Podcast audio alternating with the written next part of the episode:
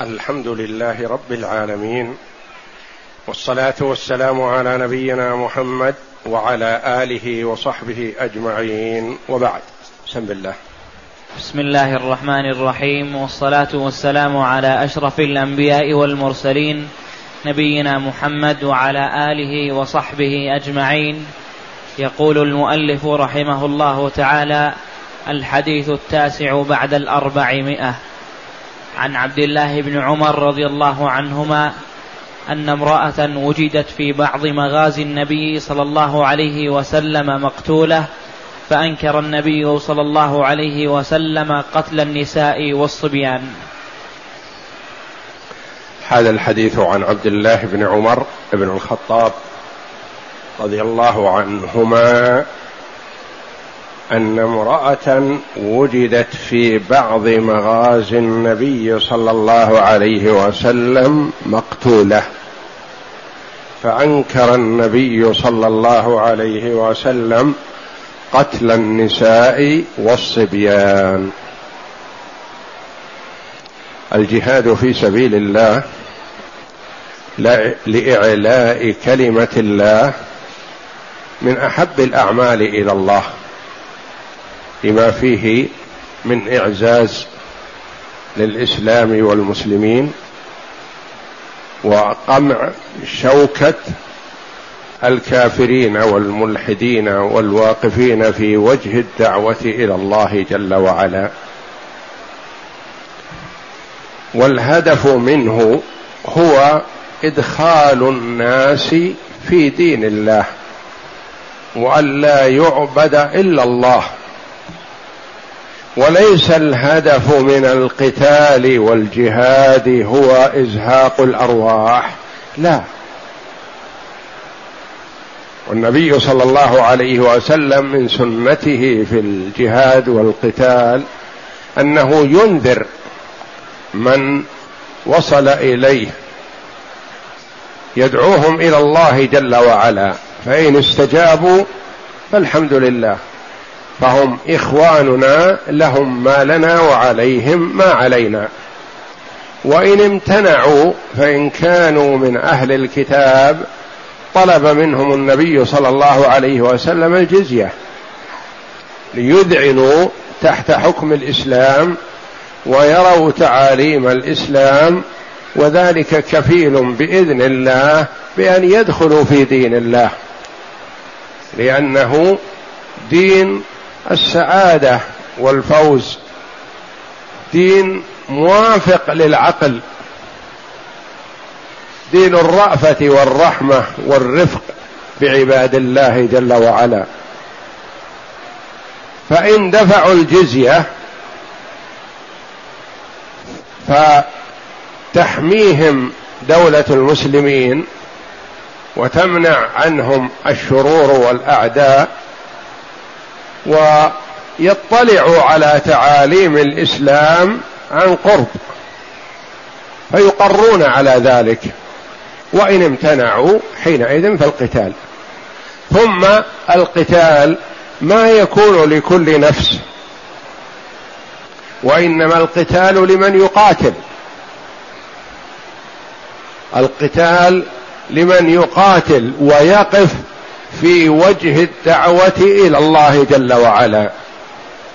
أما من لا يقاتل فلا غرض لنا في قتاله ولا نريد ذلك. من لا يقاتل المرأة والصبي والشيخ الكبير والراهب العابد في صومعته. هؤلاء ما يقاتلون فلا نقاتلهم. إذا حضر من هؤلاء من يقاتل فنقاتله.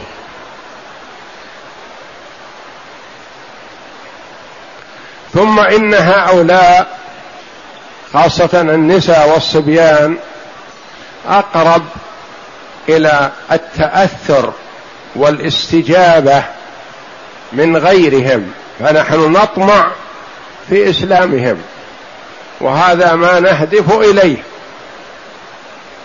لأنهم يستجيبون غالبا الأطفال يرفق بهم حتى يدركوا ثم يدعوا إلى الإسلام فيستجيبوا لأنهم على الفطرة. النساء ألين شكيمة وأسهل قيادة من الرجال المحاربين. فما يقتلن وإنما هن غنيمة. يغنمهن المسلمون فيكن تحت ولاية المسلمين وغالبا ما يستقمن على الحق ويقبلن الإسلام. فصفية بنت حيي بن أخطب رضي الله عنها أم المؤمنين. أبوها وعمها وزوجها ألد أعداء الإسلام. وقتلوا على يد المسلمين لأنهم مجرمون واقفون في وجه الدعوة إلى الله. صفية رضي الله عنها أم المؤمنين. اصطفاها النبي صلى الله عليه وسلم لنفسه فأسلمت رضي الله عنها وأصبحت إحدى أمهات المؤمنين. وهكذا غيرها من النساء ومن آه، الصبيان من أبناء اليهود الذين أسروا لما حكم سعد فيهم وقال من أم من بلغ يقتل ومن لم يبلغ صبي يبقى يسترق. فكشف عن مآزرهم فمنهم وجد منهم من لم يبلغ ولم ينبت فاسترق. فأصبح بعضهم من الدعاة إلى الله ومن علماء المسلمين وهم من أبناء اليهود. فلذا نهى النبي صلى الله عليه وسلم عن قتال من يطمع في إسلامه. قد يقول قائل الشيخ الكبير يطمع في إسلامه. نقول قد لا يطمع في إسلامه لكنه لا شر فيه نأمن شره. ما يقاتل. الراهب والعابد في صومعته قد لا يطمع في إسلامه لكنه معتزل ومن اعتزلنا ولم يقاتلنا لا نقاتله. استثنى العلماء رحمهم الله من هؤلاء إذا اضطر المسلمون لإرسال شيء عام على الكفار لأنهم تمردوا علينا وآذونا وتسلطوا علينا فنحن نرسل إليهم شيئا يقتلهم كافة كالمنجنيق ونحوه والصواريخ وغيرها مثلا فهؤلاء ففي هذه الحال يعفى عن قتل النساء والصبيان لأنهم غير مقصودين لكن يدخلون تبع. فأجاز العلماء في هذه الحال إرسال شيء عام على الكفار إذا أيس من استجابتهم وإن قتل من قتل من النساء والصبيان. ثم إن بعض النساء قد تحمل السلاح وتقاتل. هذه تقتل. إذا ظفر بها تقتل. إذا كانت تعاون المقاتلة فتقتل. الشيخ الكبير إذا كان ذا رأي ويرجع إليه في الرأي يخرج ما يقاتل لكنه وضعوه في خيمة أو في مكان ما مثلا يرجعون إليه في الرأي ويستشيرونه يقتل. فمن كان له سعي وعمل ضد المسلمين فيتكافى شره بقتله. ومن لا شر فيه على المسلمين فالإسلام لا يهدف إلى قتل النفوس وإنما يهدف إلى أن يعبد الله وحده. اقرأ. ما يستفاد من الحديث الأول أن الذي عليه القتل والمقاتلة هم الرجال المقاتلون من الكفار. لأنهم الذين يدفع شرهم. الثاني أن من لم يقاتل من النساء والصبيان والشيوخ الفانين. الشيوخ المراد كبار السن. الذي لا يقاتل ولا يحمل السلاح. والرهبان والرهبان العباد عباد النصارى في صوامعهم مثلا ما يشاركون في القتال وليس لهم رأي فيه لا يقتلون. لا يقتلون لأن القتل والقتال لدفع أذى الكفار. هذا هو الهدف من القتال دفع أذاهم. أما من فسح لنا المجال للدعوة إلى الله جل وعلا ولم يقف في وجه الدعوة فهذا لا يقاتل وليس لنا هدف في قتله. نقول لعل الله أن يهديه للإسلام أحب إلينا. نعم. ووقوفهم في وجه الدعوة إلى الإسلام ما لم يكن هؤلاء النساء والشيوخ أصحاب رأي ومساعدة على قتال المسلمين. فإذا كانوا كذلك فإنهم يقتلون. وما لم يقتضي رمي الكفار بما يهلكهم عامة كالمدافع وفيهم نساؤهم وصبيانهم لا يمكن تمييزهم عنهم فيرم فيرمون ولو قتل منهم هؤلاء الضعفاء. والله أعلم وصلى الله وسلم وبارك على عبده ورسول نبينا محمد وعلى آله وصحبه أجمعين.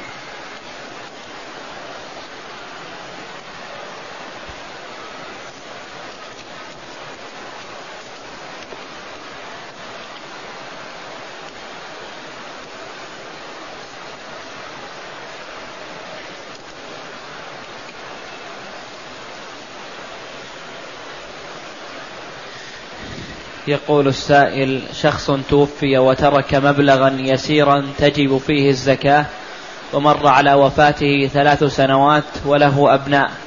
هل يأخذون المبلغ أم يزكونه؟ وهل تكون الزكاة لثلاث سنوات التي مضت؟ هذا لا يخلو. إن كان نصيب كل واحد منهم نصابا فيزكى أما من كان نصيبه دون النصاب فلا يزكى لأنه قد يكون مجموع المال نصاب يزيد عن النصاب يزكى. لكن نصيب إحدى الزوجات مثلا ربع الثمن فنصيبها قليل. ما يبلغ نصاب فليس عليها زكاة. من كان نصيبه مثلا نصابا فيزكى ثم يزكى لكل سنة. يعني يعتبر من تاريخ وفاة المورث. ما قبل وفاته لا يحتسب. ما بعد وفاته ما كان رصيد نقود يكون آل لورثته فيزكى. وأما غير النقود من الأثاث والأمتعة والدور والبيوت ما لم تعد للتجارة فلا زكاة فيها.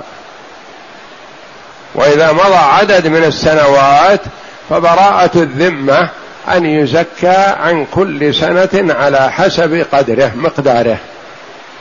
ولا تترك الزكاة لأنها إذا خالطت المال أفسدته. والزكاة تزكي المال وتنميه وتحفظه بإذن الله.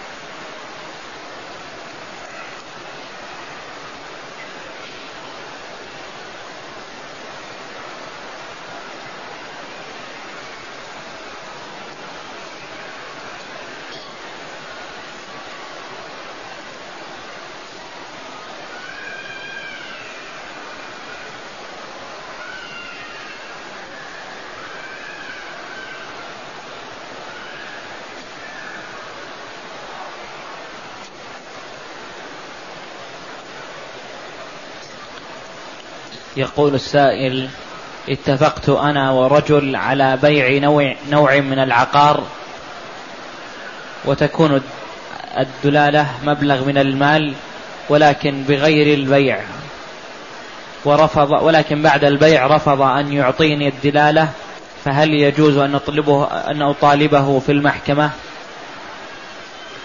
إذا كان لك مجهود في البيع وعمل ولك مشاركة في السعي فنعم. وإذا كان طلب منك عرضه وعرضت على أناس ثم هو عرضه على أناس آخرين فاشتراه من عرضه هو عليهم ولم يشترى من قبلك ففي هذه الحال ما يكون لك نصيب بالسعي. ويحسن في مثل هذه الأمور أن ترجع إلى أهل الصنف.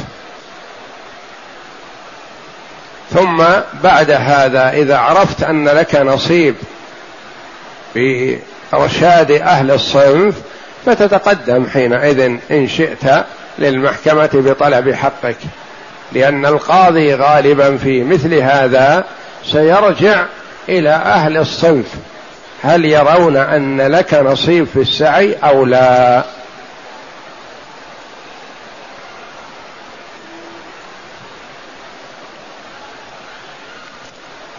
يقول السائل ماذا يعمل المصلي الذي يدرك التكبيرة الرابعة من صلاة الجنازة؟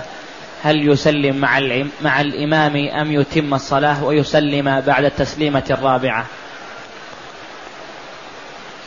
إذا أدرك المرء مع الإمام شيئا من تكبيرات الجنازة وفاته شيء منها. فهو حينئذ إذا دخل مع الإمام إن شاء دخل معه في الذكر الذي هو فيه.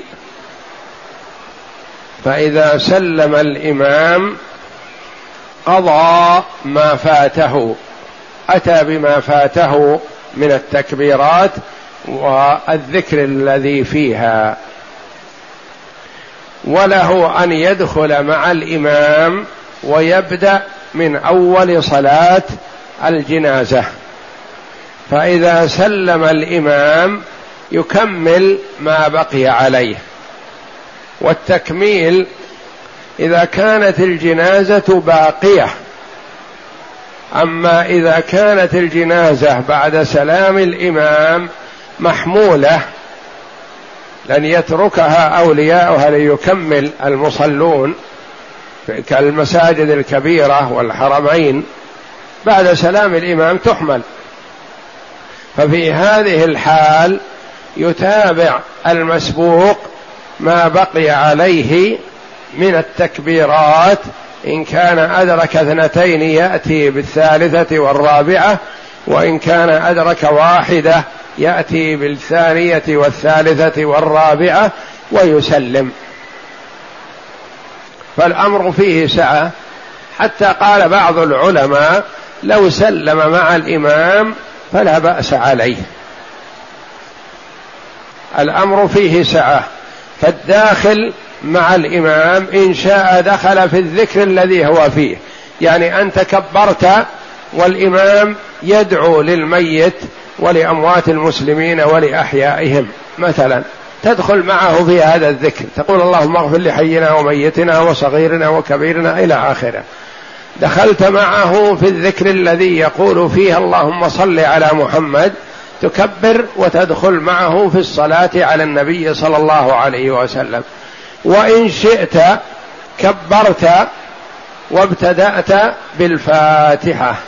علما أن المصلي على الجنازة أول ما يكبر يقرأ فاتحة الكتاب الحمد لله رب العالمين إلى آخرها ثم بعد التكبيرة الثانية يصلي على النبي صلى الله عليه وسلم ثم بعد التكبيرة الثالثة يدعو لعموم المسلمين الأحياء والأموات ثم يخص الميت أو الأموات الحاضرين بالدعاء. وبعد التكبيرة الرابعة يسلم. فإن كان الميت دون الحلم الأطفال فيدعو في مجال الدعاء لوالديه كأن يقول بعد الدعاء العام لعموم المسلمين اللهم اجعله ذخرا لوالديه وفرطا وشفيعا مجابا. اللهم ثقل به موازينهما وعظم به أجورهما.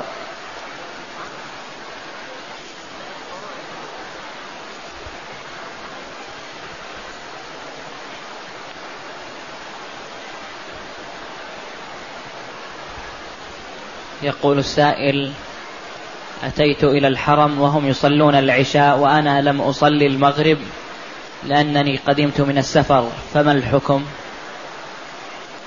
إذا أتيت قبل إقامة صلاة العشاء فتصلي المغرب أولا ثم تصلي العشاء.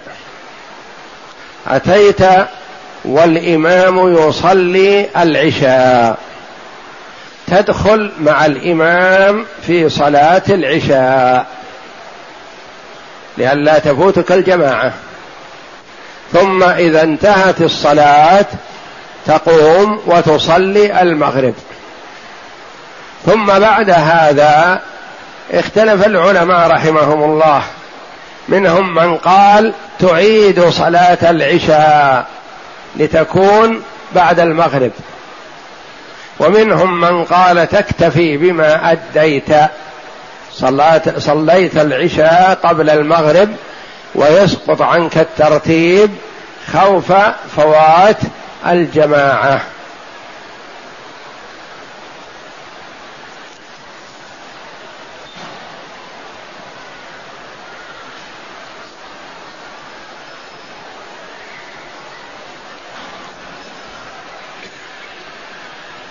يقول السائل بعض الناس يدعون إلى الله بغير علم ويقولون بلغوا عن الرسول صلى الله عليه وسلم آية.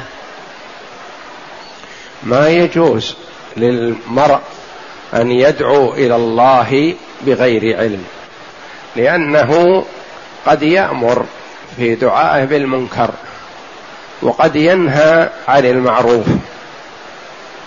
والله جل وعلا يقول لرسوله صلى الله عليه وسلم فاعلم أنه لا إله إلا الله واستغفر لذنبك. يقول الإمام البخاري رحمه الله على هذه الآية الكريمة فبدأ بالعلم قبل القول والعمل. فالآمر بالمعروف والنهي عن المنكر لا يخلو. إن كان دعوته في الأمور المعلومة وإن لم يكن يقرأ في الكتب ولا يعرف لكن يدعو إلى شيء يعرفه. مثلا يدعو إلى الصلاة. يدعو إلى صلاة الجماعة. يدعو ويرغب في أداء الزكاة. يدعو ويرغب في الصيام. يدعو ويرغب إلى نوافل العبادة من صيام وصلاة وصدقة وغير ذلك من القرب. هذا له. ويستحب له ذلك. وإن لم يكن يعرف الكتب. لكن في الأمور التفصيلية ما يجوز له أن يدعو إلا على بصيرة. قل هذه سبيلي أدعو إلى الله على بصيرة أنا ومن اتبعني.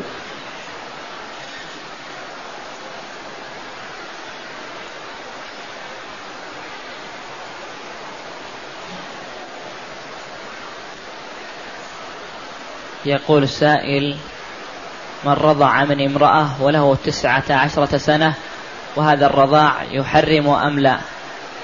هذا لا يحرم على قول كثير من العلماء والمسألة فيها خلاف.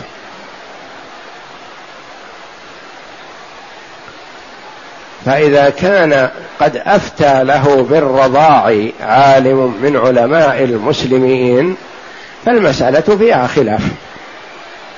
وأما إذا كان من نفسه فهذا لا يحرم. ومنشا الخلاف من أن امرأة أبي حذيفة جاءت إلى النبي صلى الله عليه وسلم فقالت يا رسول الله إن سالم مولى أبي حذيفة مني بمنزلة الولد. مولى لأبي حذيفة وهي كأنها بمنزلة أمه وإنه يدخل علي وإنه الآن بلغ مبلغ الرجال. فقال لها النبي صلى الله عليه وسلم أرضعيه تحرمي عليه. من هذا نشأ الخلاف بين بعض العلماء رحمهم الله بعضهم يقول إنه يحرم. وبعضهم يقول هذا لا يحرم وإنما هذا من خصائص. هذا الرجل الرسول عليه الصلاة والسلام رخص لهذه المرأة بأن ترضع هذا الرجل فهذه قضية قضية عين قضية عينية.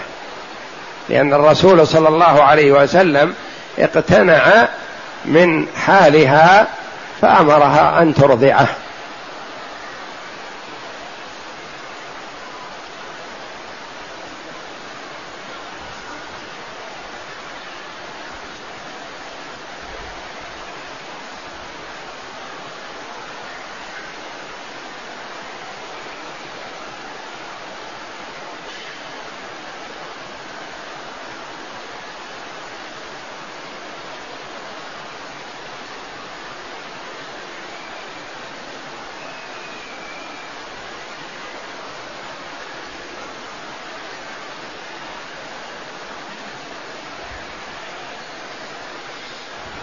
يقول السائل أشاهد بعض المصلين الذين يأتون من الخارج المملكة يصلون بجانبي يكبرون ولا يرفعون أيديهم ولا يضعونها على صدورهم فهل صلاتهم صحيحة؟ نعم صلاتهم صحيحة لكن المستحب أن يرفع المصلي يديه في الصلاة في أربعة مواطن موطنان يتكرران وموطنان لا يتكرران في الصلاة. يستحب رفع الأيدي عند التكبير في أربعة مواطن. ما هي؟ عند تكبيرة الإحرام. وعند الركوع. وعند الرفع من الركوع. وعند القيام من الركعة الثانية إلى الثالثة. يعني عند القيام من التشهد الأول. الصلاه التي فيها تشهدان. أربعة مواطن. اثنان يتكرران وهما التكبير عند الركوع والتكبير من الرفع من الركوع. واثنان لا يتكرران وهما التكبير عند تكبيرة الإحرام والرفع عند القيام من التشهد الأول إلى الركعة الثالثة. والرفع مستحب وسنة ولو لم يرفع يديه فصلاته صحيحة. وكذلك السنة أن يضع يده اليمنى على كفه يضع يده اليمنى على كفه اليسرى على صدره. استحبابا. هذا الأفضل وهو المستحب فإذا لم يفعل فالصلاة صحيحة.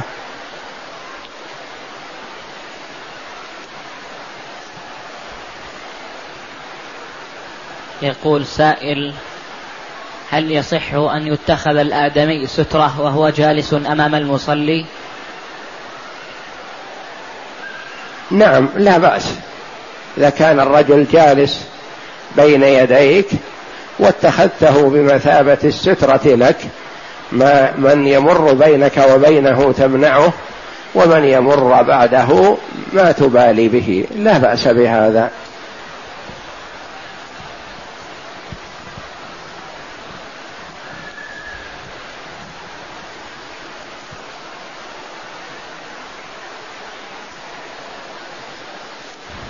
يقول السائل دخلت الحرم ولم أصلي الفرض هل يجوز لي أن أصلي على الجنازة؟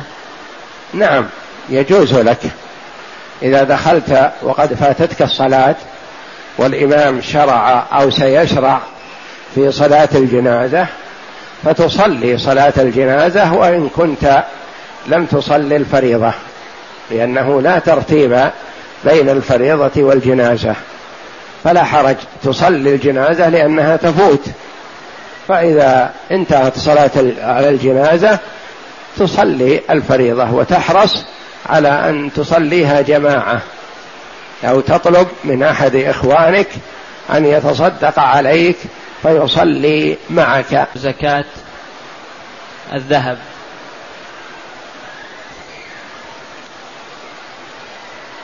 يقول كيف تكون زكاة ثلاثمائة جرام من الذهب. زكاة الذهب ربع العشر.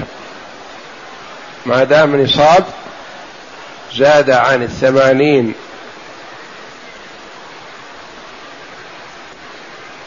إذا كان نصاب والنصاب أحد عشر جنيه وثلاثة أسباع الجنيه. إذا بلغ هذا المقدار عشرون مثقالا أحد عشر جنيه وثلاثة أسباع ففيه ربع العشر. ربع العشر. يعني في المئة جنيه جنيهان ونصف. في أربعين جنيه جنيه واحد. ربع العشر. مثل النقد مثل الذهب مثل الفضة. سواء كان الذهب جنيهات نقد أو كان قطع ذهب وسبائك ونحوها. فإذا حال عليه الحول وكان نصابا ففيه ربع العشر.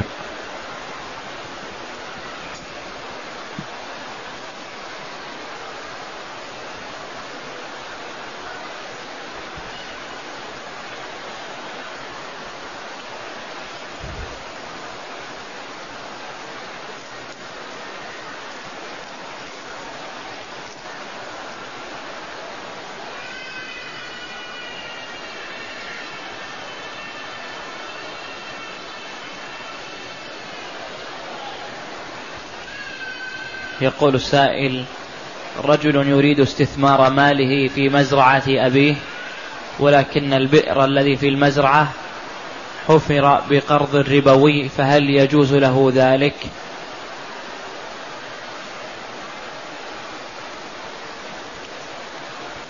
نعم يجوز له أن يستثمر المزرعة وعلى المقترض قرضا ربويا أن يتوب إلى الله ويستغفر فإذا تاب إلى الله جل وعلا وندم على ما حصل منه فالله جل وعلا يتوب عليه. وإذا كان المقترض غيره فلا يضير هو أن يستثمر ويستنتج من هذه المزرعة. ومن تعاطى الربا وتاب إلى الله جل وعلا فالله جل وعلا يتوب عليه. ثم إن كان هو الآخذ للزيادة فعليه أن يرد الزيادة إلى صاحبها إن كان يعرفه. وإن كان لا يعرفه وتاب إلى الله جل وعلا وأحب أن يتخلص من هذا المال الحرام فينفقه في المصالح.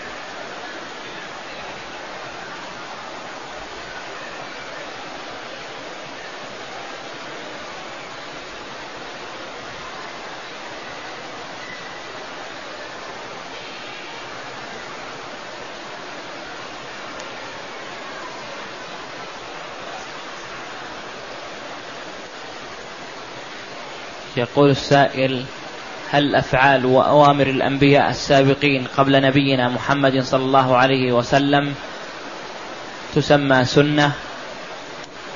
نعم.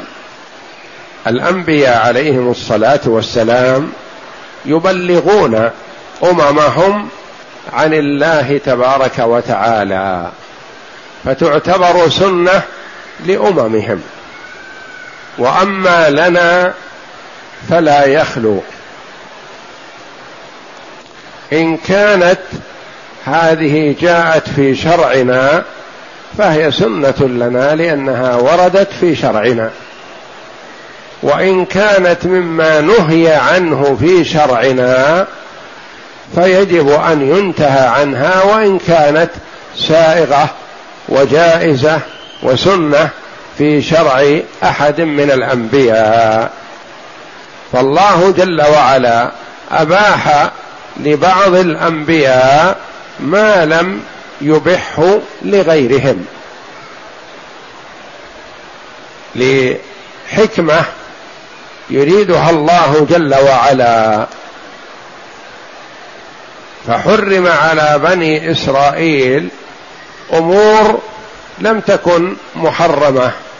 علينا ولم تكن محرمة على من قبلهم. حرمت عليهم. وأمور أباحها الله جل وعلا لبعض الأنبياء فهي مباحة لهم وليست مباحة لغيرهم. كما يسوغ لآدم عليه السلام أن يزوج الولد من أخته لأنه يتعذر التزوج إلا بهذا. ما في إلا ذرية آدم بنوه وبناته. فيزوج بنيه من بناته. بينما هذا محرم في شرع من بعدهم. ومثل الجمع بين الأختين في بعض الشرائع مباح وحرم في شرعنا.